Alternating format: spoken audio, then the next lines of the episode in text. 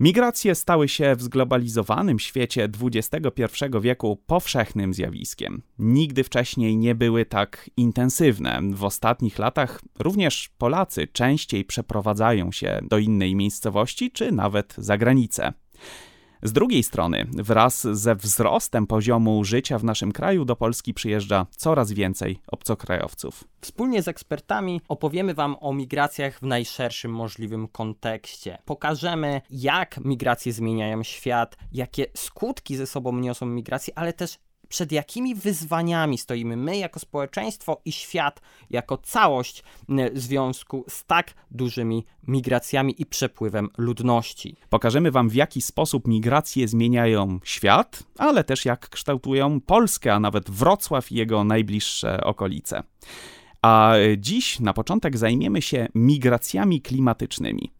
Ocieplenie klimatu już dziś zmusza miliony osób do zmiany miejsca zamieszkania, ale często trudno to zaobserwować, bo dzieje się to na wiele różnych sposobów. To myślę, że na początku y, warto się zastanowić, y, czy zmiana klimatu, którą teraz obserwujemy, jest rzeczywiście tak katastrofalna, jak e, mogłoby się wydawać. Eksperci są co do tego w zasadzie zgodni. Niemal wszyscy twierdzą, e, że e, ocieplenie klimatu jest już faktem i jest bardzo intensywne i niemal wszyscy zgadzają się co do tego, że tak szybki wzrost globalnej temperatury jest spowodowany właśnie działalnością e, człowieka. Na takiej pozycji stoi m.in. E, IPCC, czyli Międzynarodowy Panel do Spraw Zmian Klimatu, który w swoich cyklicznych raportach twierdzi zdecydowanie, że ocieplenie jest niewątpliwe i co ważniejsze, jest procesem nieodwracalnym. Wzrost globalnej temperatury y, dotyka bardzo mocno nie tylko środowisko przyrodnicze, ale ludzi i to y, o y, ludziach dotkniętych tymi zmianami dzisiaj przede wszystkim rozmawiamy. Natrafiłem na y, takie badanie zlecone przez The Lancet, czyli w zasadzie jedno z najpopularniejszych czasopism medycznych na świecie. Badanie pochodzi z 2009 roku i czytamy tam, że zmiany klimatu to największe wyzwanie dla zdrowia publicznego w XXI wieku. Z kolei w rezolucji Rady Praw Człowieka ONZ z 2008 roku czytamy, że zmiany klimatu stanowią bezpośrednie i daleko sięgające zagrożenie dla ludzi i wspólnot na całym świecie. Zmiany klimatu dotykają bardzo mocno y, ludzi, ale dotykają ich w różny sposób, w różnych y, częściach świata i bardzo często zmuszają ich e, do e, zmiany miejsca zamieszkania, do migracji, i to jest główny temat e, naszej dzisiejszej rozmowy. I można tutaj e, wskazać kilka takich podstawowych zjawisk, e, które są spowodowane zmianami klimatu i które mm, e, najbardziej wpływają właśnie na powstawanie tych migracji klimatycznych. No to jest oczywiście podnoszenie się poziomu morza. To dotyczy obszarów położonych nisko nad poziomem morza, czy mm, niewielkich wysp, na przykład na Oceanie Spokojnym, czy, czy Malediwów na Oceanie Indyjskim. To są ekstremalne zjawiska zjawiska takie jak powodzie, susze, ogromne pożary, one w związku z ociepleniem klimatu przybierają na sile i stają się coraz bardziej dotkliwe i coraz trudniej radzić sobie z ich skutkami. No ale nasuwa się pytanie, jak intensywnym zjawiskiem, czy jak częstym zjawiskiem są te właśnie migracje klimatyczne. I to jest bardzo trudne pytanie, my zaraz do tego przejdziemy, ale dotarłem do takiego raportu Międzynarodowego Ruchu Czerwonego Krzyża i Czerwonego Półksiężyca, według którego w ciągu pół roku od września 2020 roku do lutego 2021 roku 10 milionów osób zostało zmuszonych do migracji właśnie z przyczyn klimatycznych. I to jest 5 razy więcej niż w tym samym okresie z powodu konfliktów zbrojnych. No oczywiście należy pamiętać, że to są migracje i wewnętrzne, i międzynarodowe, czyli migracje takie mogą polegać na przenoszeniu się na na przykład ze wsi do miasta, albo na zmienianiu miejsca zamieszkania w obrębie jednego kraju ale część z tych migracji to są migracje międzynarodowe i one oczywiście odnoszą już dużo większe skutki na arenie międzynarodowej. Y, zagadnieniem migracji klimatycznych zajmował się już zresztą polski Sejm, y, bo publikacje na ten temat możemy też odnaleźć y, wśród publikacji Biura Analiz Sejmowych. Ja jednak zauważam pewną ciekawą prawidłowość. No bo z jednej strony migracje klimatyczne dotyczą przede wszystkim państw rozwijających się. A z drugiej strony z kolei te zjawiska przyrodnicze, o których przed chwilą mówiłem, te, które w zasadzie napędzają te migracje klimatyczne, one mają miejsce również w państwach wysoko rozwiniętych. Y, no, przypomnijmy chociażby y, ogromne pożary, czy to w Australii, czy to w Kalifornii, o których y, słyszymy w zasadzie co roku już teraz. Przypomnijmy susze, chociażby również w Kalifornii, rzeki, jeziora, które w zasadzie wysychają z roku na rok. No i oczywiście cyklony tropikalne, które też na południowym wschodzie USA się pojawiają i obserwuje się, że są coraz silniejsze. No więc właśnie, y, dlaczego te migracje dotyczą tylko części obszarów, y, które są dotknięte zmianami klimatu? Y, wydaje się, że istnieją też jakieś inne przyczyny, które te migracje napędzają. No, trzeba na pewno zauważyć, e, że człowiek świetnie adaptuje się do różnych e, sytuacji, do różnego środowiska i e, musimy dopiero przekroczyć pewną granicę, gdzie już ze względów klimatycznych po prostu nie jesteśmy w stanie żyć w danym miejscu, żeby z tego miejsca się wyprowadzić tutaj tak naprawdę należałoby powiedzieć, czym są czynniki e, wypychające i przyciągające w migracji. E, I właśnie tutaj czynniki wypychające to takie, e, z których powodów my wyjeżdżamy z naszego miejsca dotychczasowego pobytu, zamieszkania, urodzenia. Natomiast czynniki przyciągające to te, przez które chcemy gdzieś konkretnie się dostać, gdzieś pojechać. Zazwyczaj mówi się, że w migracjach e, takich standardowych, ekonomicznych e, następuje po prostu korelacja pomiędzy tymi dwoma czynnikami, czyli gdzieś jest wysokie bezrobocie, a gdzieś jest niskie bezrobocie, więc migracje będą e, z kraju o wysokim bezrobociu, czy z obszaru o wysokim bezrobociu do miejsca, gdzie to bezrobocie jest niskie. Podobnie akurat tutaj z wysokością zarobków, czy z dostosowaniem na przykład wykształcenia do zapotrzebowania na rynku pracy pracy i, e, i tak dalej, i tak dalej. Natomiast e, w sytuacji uchodźczej nie do końca tak to działa. Przeważają te czynniki wypychające, bo żeby stać się uchodźcą, to po prostu nie można już dalej zamieszkiwać terenu, e, na którym się urodziliśmy czy wychowaliśmy, czyli po prostu migrant to osoba, która chce gdzieś pojechać, uchodźca to osoba, która jest zmuszona wyjechać ze swojego kraju, bo po prostu nie może dalej żyć tam, gdzie mieszkała do tej pory. I właśnie e, przy migracjach środowiskowych, mimo tego, że klimat właśnie zmienia się na całym świecie, to jednak te czynniki wypychające są na tyle mocne, że pomimo tego, że nigdzie sytuacja się nie poprawia, to jednak gorsza sytuacja w Europie i tak jest o wiele lepsza niż dramatyczna sytuacja na Bliskim Wschodzie, załóżmy. Czyli kraje wysoko rozwinięte po prostu lepiej sobie radzą z łagodzeniem tych skutków zmian klimatu.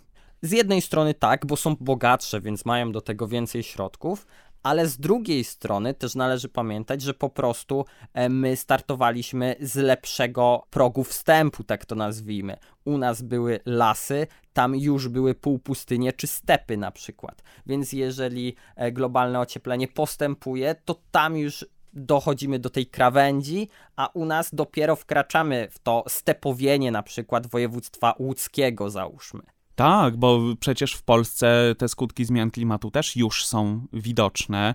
Mamy opadów trochę mniej, ale przede wszystkim problem z opadami polega na tym, że są mniej równomierne i dlatego mamy problem z suszami.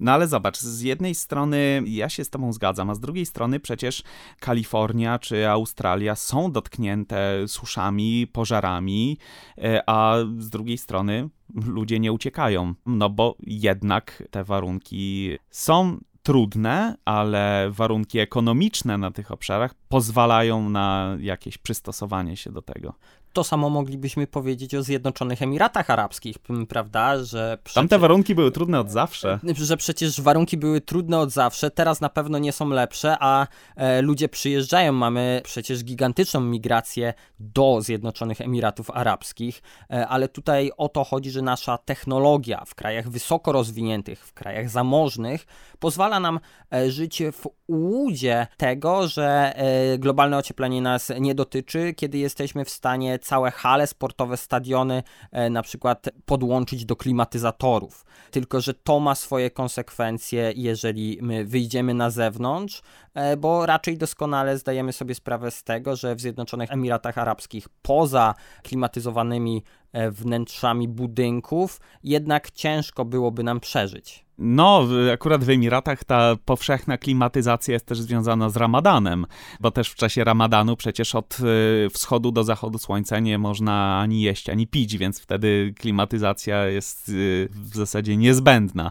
Ale oprócz klimatyzacji są przecież wielkie stacje odsalania wody, bo przecież to jest jedyny sposób na, na, na zdobycie wody słodkiej w tamtym rejonie. No więc mnie się nasuwa takie pytanie, może możemy jakoś e, przeciwdziałać tym migracjom klimatycznym, po prostu pomagając e, ludziom na miejscu. Może to jest jakiś pomysł. W pewnym sensie na pewno tak, ale widzimy do jakiego poziomu na przykład bogactwa musielibyśmy doprowadzić dany kraj, dane, dany rejon, e, żeby dało rady to zrobić. E, bo tutaj mówimy o Zjednoczonych Emiratach Arabskich, ale chyba jeden z najlepszych systemów odsalania wody e, ma Izrael i też jak najbardziej da rady prowadzić gospodarkę rolną na przykład w swoim kraju dzięki temu, czy właśnie chociażby Kalifornia idzie w podobnym kierunku, ale po pierwsze, nie wszystkie rejony dotknięte e, suszami, na przykład spowodowanymi w ogóle e, ociepleniem e, klimatu, są terenami nadmorskimi, bo co zrobić z Azją Środkową i co zrobić, jeżeli de facto nie mamy skąd tej wody brać? Wydaje mi się, że możemy przeciwdziałać na miejscu, ale nigdy nie zastąpi to tak naprawdę tego, że te migracje będą musiały mieć miejsce i musimy się na nie przygotować, bo coraz częściej będziemy e, słyszeć o konfliktach o wodę i te konflikty o wodę będą e, zarówno tam, gdzie wydawałoby się na pierwszy rzut oka mamy gigantyczne rzeki, jak e, na przykład Nil, ale też będą to konflikty o źródła wody, tak jak na przykład konflikt z tego roku pomiędzy Tadżykistanem i Kirgistanem, e, gdzie chodziło o kilka studni e, w jednej z oaz na pograniczu tadżycko-kirgiskim, co przerodziło się w konflikt zbrojny, gdzie naprawdę szefowie sztabów w obu tych krajach wypowiadali się na ten temat. To jest y, pierwszy zwiastun, czy to są pierwsze zwiastuny wojen klimatycznych, czy wojen y, o wodę, które są już zapowiadane pod y, wielu lat i może właśnie obserwujemy pierwsze zarzewia takich konfliktów. Wspomniałeś wcześniej o Nilu. Tam Etiopia planuje wybudowanie wielkiego zbiornika retencyjnego. Przeciwko temu buntuje się Sudan, którego gospodarka, rolnictwo w bardzo dużej mierze zależy od y, właśnie Nilu.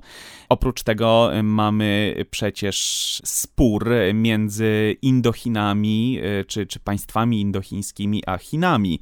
Chiny chcą budować zbiorniki retencyjne na rzekach, które zasilają w wodę obszar Indochin. Mowa tu na przykład o Mekongu a te rzeki są zasilane przez lodowce himalajskie. Te lodowce się y, zmniejszają, czy, czy będą się zmniejszały w najbliższej przyszłości. I takie kontrolowanie de facto y, zasobów wodnych może stać się w przyszłości kolejną formą nacisku jednego państwa na drugie. Y, I tutaj już nie będziemy mówili o groźbie zakręcenia przysłowiowego kurka z gazem, ale zakręcenia kurka z wodą, a to już jest y, bardzo poważna y, sprawa i bardzo łatwo sobie wyobrazić eskalację takiego sporu do rozmiarów y, konfliktu zbrojnego czy wojny. Nie, ja chciałem jeszcze wrócić mm, do tej kwestii pomocy na miejscu, o której rozmawialiśmy przed chwilą bo są przecież dwa filary tych działań będących odpowiedzią na zmiany klimatyczne. Z jednej strony to jest oczywiście ograniczanie tego ocieplenia klimatu poprzez no, przede wszystkim ograniczanie emisji gazów cieplarnianych ale z drugiej strony zdajemy sobie sprawę, że już nie jesteśmy w stanie tego zjawiska odwrócić. Nie jesteśmy w stanie już wrócić do poziomu sprzed kilkudziesięciu lat. W związku z tym e, coraz częściej mówi się też o tym drugim filarze, czyli o łagodzeniu skutków e, zmian klimatu. I takie e, środki łagodzące przecież mamy już opracowane w państwach wysoko rozwiniętych. Nawet Wrocław już powoli takie rozwiązania e, wprowadza, czy będzie wprowadzał w najbliższej e, przyszłości, bo przecież niedawno został uchwalony miejski plan adaptacji do zmian klimatu do roku 2030 i tam jest mowa e, na przykład o zwiększaniu powierzchni zielonych, o zielonych ścianach, o zielonych dachach. No ale właśnie, tak jak mówiłeś, wprowadzenie tych rozwiązań w państwach rozwijających się byłoby po pierwsze, bardzo kosztowne i tak naprawdę, bądźmy szczerzy, nierealne, bo te państwa nie mają środków na to, żeby, żeby takie rozwiązania wprowadzić, a nawet gdyby miały, to to są rozwiązania, które tylko zmniejszą ten y, wpływ y, zmian klimatycznych na mieszkańców i tylko opóźnią ewentualnie wystąpienie tych migracji, ale te migracje tak czy inaczej będą miały miejsce trzeba właśnie zwrócić uwagę, i mi się wydaje, że to jest e, ważne, jeżeli będziemy mówić właśnie o pomocy na miejscu, to że nie zawsze mamy warunki, w których można coś zrobić i komukolwiek pomóc. Bo jeżeli będziemy mieli temperaturę przy gruncie wynoszącą 50-60 stopni Celsjusza, to mówimy tutaj o sytuacji, w której posadzenie jakiejkolwiek rośliny będzie po prostu nierealne. W związku z tym nie będziemy w stanie, nawet posiadając gigantyczne pieniądze, pomóc tam na miejscu. Więc ci ludzie będą zmuszeni do migracji i staną się uchodźcami klimatycznymi, bo właśnie wyemigrują nie dlatego, że chcą, ale dlatego, że muszą. Tak, i będą spełniali definicję uchodźcy, będą zmuszeni do e, migracji. Skoro już przy tym jesteśmy, to zastanówmy się przez chwilę nad definicją uchodźcy czy migranta klimatycznego. Ta definicja jest y, tak naprawdę bardzo trudna do sformułowania i bardzo trudno tak naprawdę y, kogoś przyporządkować do tego rodzaju migracji. No bo zmiany klimatu jako takie tylko czasem powodują, że mieszkańcy danego obszaru są zmuszeni do jego opuszczenia. Najczęściej jest chyba tak, że zmiana klimatu powoduje na przykład kryzys ekonomiczny, który zmusza ludzi do szukania na przykład zatrudnienia gdzie indziej, a ten kryzys ekonomiczny może z kolei powodować kryzys polityczny, czy nawet konflikt y, zbrojny. I właśnie, mamy osoby, które są zmuszane do szukania pracy w innym miejscu czy w innym kraju, dlatego że zmiany klimatu wpłynęły na to, że rozpoczął się kryzys ekonomiczny, że straciły pracę, na przykład w rolnictwie, albo osoby, które muszą uciekać ze swojego kraju czy ze swojego regionu, dlatego że zmiany klimatu spowodowały destabilizację sytuacji politycznej. I zastanawiam się, w którym miejscu taki y, uchodźca czy migrant staje się właśnie migrantem ekonomicznym czy uchodźcą, a przestaje być migrantem klimatycznym czy uchodźcą klimatycznym.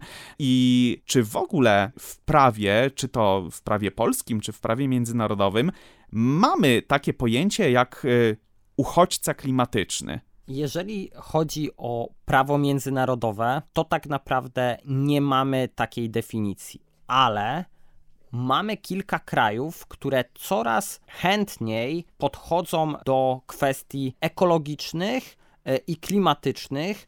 E, I tutaj najbardziej powiązaną definicją by było ekobójstwo, czyli sytuacja, w której doprowadza się do śmierci bądź możliwości spowodowania śmierci rdzennych mieszkańców danego terenu e, z powodu zmian klimatycznych wywołanych przez człowieka. Więc można powiedzieć, że gdzieś tutaj akurat wokół tego krążymy, natomiast uchodźcy klimatycznego nie ma w prawie międzynarodowym, ani też w prawie polskim. Zawsze właśnie jest to rozróżnienie, o którym wspomniałeś wcześniej, czyli jeżeli migrant przenosi się ze swojego kraju pochodzenia do e, jakiegoś innego kraju z powodu tego, że stracił pracę, z powodu tego, że nie może uprawiać roli, którą uprawiał wcześniej on, jego ojciec, dziadek, to staje się migrantem ekonomicznym.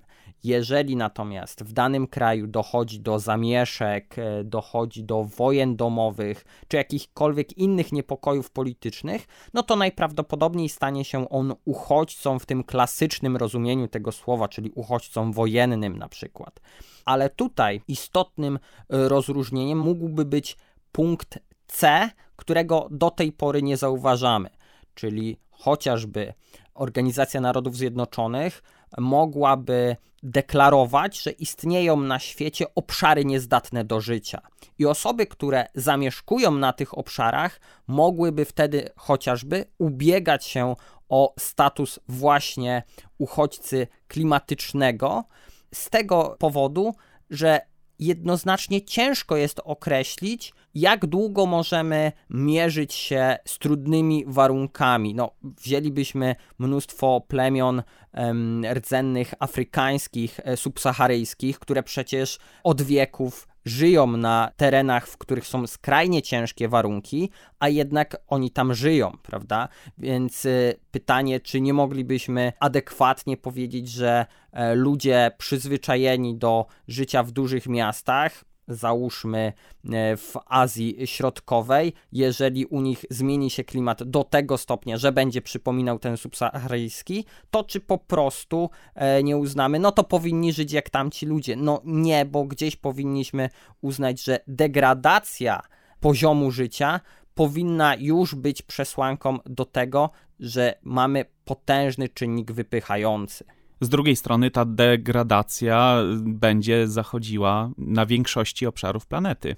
Tak, dlatego powinniśmy gdzieś postawić chyba granicę tej degradacji, poniżej której już moglibyśmy wykuć taką definicję uchodźcy klimatycznego. Wydaje mi się, że jeśli ten temat rzeczywiście na poważnie pojawi się w debacie międzynarodowej, to rozpoczną się bardzo duże spory o to, gdzie rzeczywiście te granice postawić y, i których ludzi można przyporządkować y, do tej kategorii uchodźców klimatycznych. Chciałbym jeszcze wrócić do zjawiska ekobójstwa, o którym e, przed chwilą wspomniałeś, e, bo jeśli rzeczywiście zgodzimy się, że e, coś takiego jak ekobójstwo istnieje i w zasadzie cała ludzkość odpowiada za zmiany klimatu, to pojawia się pytanie, kto tak naprawdę jest winny, czy kogo konkretnie można pociągnąć do odpowiedzialności za ekobójstwo. To jest właśnie bardzo ciekawe w całej mm, dyskusji. Dlatego w tym momencie ekobójstwo przyjmuje się zawężająco, czyli przyjmuje się w tej roli że mieliśmy organ decyzyjny co do przeprowadzenia inwestycji, jakiejś kampanii, e, która spowodowała skrajną degradację środowiska na ograniczonym na przykład obszarze. Moglibyśmy sobie tutaj wziąć e, przykład z historii, który oczywiście już, już dawno nam się przedawnił, ale wszelkie osoby decyzyjne, które kazały osuszać właśnie jezioro aralskie, prawdopodobnie byłyby oskarżone o popełnienie czynu ekobójstwa tam nie chodziło tyle o osuszanie samego jeziora, ile o stworzenie tych systemów irygacyjnych na rzekach Amudari i Syrdari, i w zasadzie wysychanie jeziora to był ten skutek uboczny, który się pojawił i który nie wiadomo jakim cudem nie został przewidziany przez y, osoby decyzyjne. Ale to prawda, że te systemy irygacyjne zostały wykonane bardzo niedbale i e, okazało się, że skutkiem jest y, rzeczywiście katastrofa ekologiczna na niespotykaną dotąd skalę. I to jest dobry przykład. Y, I to jest taki przypadek, który chyba rzeczywiście można by było w miarę dobrze i, i, precyzyjnie osądzić i w miarę precyzyjnie wskazać rzeczywiście osoby odpowiedzialne za to. Gdyby tylko miało to miejsce dzisiaj i na e, obszarze, na którym e, takie osoby mogłyby zostać pociągnięte do odpowiedzialności. No, w Związku Radzieckim lat 60. raczej było to niemożliwe. Jesteśmy więc zgodni co do tego, że tak czy inaczej kwalifikowane migracje klimatyczne są faktem, istnieją. W ciągu pół roku 10 milionów osób y, w skali świata. Jeżeli te liczby przyjmiemy, to jest y, najpopularniejsza przyczyna migracji obecnie. A więc migracje klimatyczne istnieją i przybierają na sile. A więc może dojść do takiej sytuacji, w której pod naszymi granicami, naszymi, mówię tutaj o Unii Europejskiej, czy tak zwanej bogatej północy, czy państwach wysoko rozwiniętych, pod naszymi granicami staną nie miliony, nie dziesiątki milionów, ale nawet setki milionów uchodźców, migrantów, nieważne jak ich nazwiemy. To będą ludzie, którzy zostali zmuszeni do szukania ratunku gdzie indziej. I zastanawiam się, co w takim razie zrobimy, bo trzeba będzie sobie z tym kryzysem jakoś e, poradzić, i to będzie tygiel, który może eksplodować. Tak, no tutaj tak naprawdę mamy wiele pytań, które się e, rodzą. Z tego względu, że cały czas musimy mieć w głowie to, że ten kryzys klimatyczny nas też będzie dotykał. E, my będziemy mieli lepszą sytuację niż tamte rejony, z których do nas będą e, migranci przyjeżdżać, ale też będzie coraz gorzej. W związku z tym prawdopodobnie nie będziemy stali przed e, dylematem wpuszczać migrantów czy nie wpuszczać migrantów, a bardziej przed dylematem, czy jeżeli wpuścimy kolejnych migrantów, to zasobów, które my mamy, zasobów żywności, wody, zasobów zielonego otoczenia, czyli lasów, miejsca do życia, bo przecież tych, których wpuścimy, będą musieli gdzieś mieszkać, więc trzeba będzie budować nowe osiedla mieszkaniowe i tak dalej, całą infrastrukturę. W związku z tym będziemy mieć dylemat dotyczący żywienia tych ludzi, dotyczący tego, czy jeżeli wpuścimy kolejnych, to wystarczy tych zasobów dla nas, dla osób już mieszkających na tym obszarze. To będzie wyzwanie dla człowieczeństwa, to będzie test naszego człowieczeństwa, bo kiedy obecnie przychodzi nam się dzielić ewentualnie poprzez, załóżmy, wyższe podatki, z których finansowane zostałyby jakieś przedsięwzięcia proekologiczne, nie będziemy mogli sobie polecieć do Tajlandii na wakacje, to troszkę mało nas obchodzi. Natomiast jeżeli będzie tutaj dochodziło do takiej sytuacji, czy w związku e, ze zmianami klimatu e, nie mamy mm, sytuacji, w której to po prostu mniej jemy codziennie, no to będzie to zupełnie dyskusja na innym poziomie. To, co powiedziałeś, brzmi bardzo dramatycznie, ale z drugiej strony, obserwując tempo tych zmian klimatu i zwiększanie się ilości uchodźców, którzy się pojawiają w skali całego świata, no to rzeczywiście można sobie wyobrazić, e, że taki scenariusz e, będzie miał miejsce. I wydaje się, że jeśli tych zasobów naprawdę będzie zbyt mało, to będziemy zmuszeni do e, dokonywania bardzo dramatycznych wyborów moralnych i w zasadzie nie wiadomo, jak sobie z tym poradzimy. Nie wiadomo, e, co wtedy zrobimy, bo z jednej strony oczywiście każdy martwi się o własne przetrwanie, z drugiej strony Wielu uważa, że to społeczeństwa państw wysoko rozwiniętych, jako te, które przeszły przez ten cały okres rewolucji przemysłowej, te, które wyemitowały na przestrzeni mm, ostatnich 200 lat, powiedzmy, najwięcej gazów cieplarnianych, to te społeczeństwa, które się na tym właśnie wzbogaciły, ponoszą odpowiedzialność za zmiany klimatu. Więc jeżeli my jesteśmy winni, może powinniśmy dzielić ten trud osób, które w zasadzie najbardziej cierpią, a cierpią ci, którzy najmniej na ociepleniu klimatu zyskali, tak naprawdę. Oczywiście, tutaj pełna zgoda, że tak naprawdę cierpią ci, którzy najmniej e, zyskali na ociepleniu klimatu, na emitowaniu gazów cieplarnianych, a my skorzystaliśmy najwięcej na tej bogatej północy. E, jednak e, patrząc tak na czysto ludzkie podejście do tych zagadnień, wydaje mi się, że nikt nie będzie godził się na to, żeby brać odpowiedzialność za swoich dalekich przodków, a bardziej będziemy e, bać się o przyszłość naszą i naszych dzieci.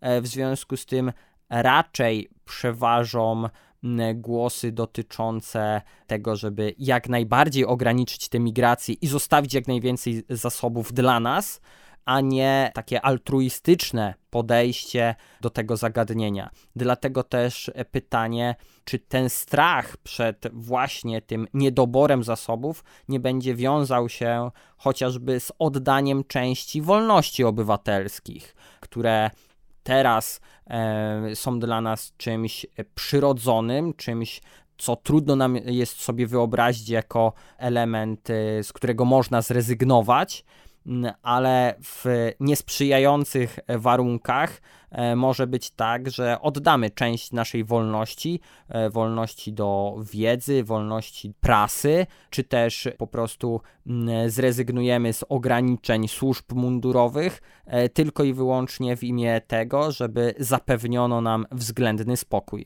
Dlaczego mielibyśmy rezygnować z takich swobód, z takich wolności? Jeżeli będziemy mieli stosunkowo prosty układ, tak to nazwijmy, z władzą. My wiemy, że tak naprawdę w wielu krajach dotychczasowo takie układy działały. Weźmy chociażby e, Białoruś. Od roku, ponad roku e, widzimy niepokoje na terytorium Białorusi, ale e, układ, który zawarto pod koniec lat 90., taki niepisany pomiędzy prezydentem Białorusi, a pomiędzy społeczeństwem brzmiał e, brak demokracji, ale stosunkowo stabilny system społeczny, społeczno-gospodarczy, czyli pełny garnek w zamian za wolność.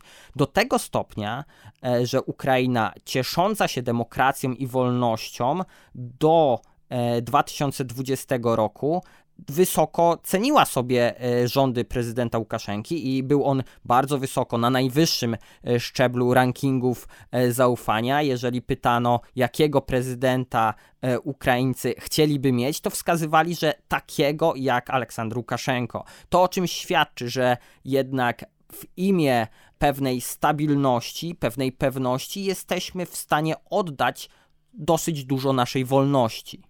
Myślę, że dużo lepszym nawet przykładem niż Białoruś są Chiny tam ta swego rodzaju, powiedzielibyśmy, umowa społeczna w trochę innym kształcie niż, niż ta klasyczna, też obowiązuje i na dużo większą skalę, bo tam ograniczenie swobód obywatelskich jest dużo większe. Tam w zasadzie ograniczenie swobody prasy, ograniczenie bardzo mocne internetu już zupełnie nikogo nie dziwi, jest codziennością i ludzie o tym wiedzą, i ludzie się z tym godzą.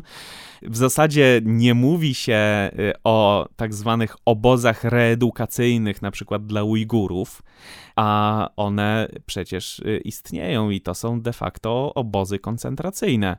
Nie mówi się o tym y, i ludzie przeciwko temu nie protestują dlatego, że partia zapewnia dynamiczny wzrost gospodarczy. I partia też wie o tym, że dopóki ten wzrost jest, tak długo y, ludzie nie będą się buntować, y, ale y, dlatego też Partia Komunistyczna w Chinach bardzo mocno boi się kryzysu ekonomicznego, bo to będzie oznaczało, że ludzie mogą się od partii odwrócić.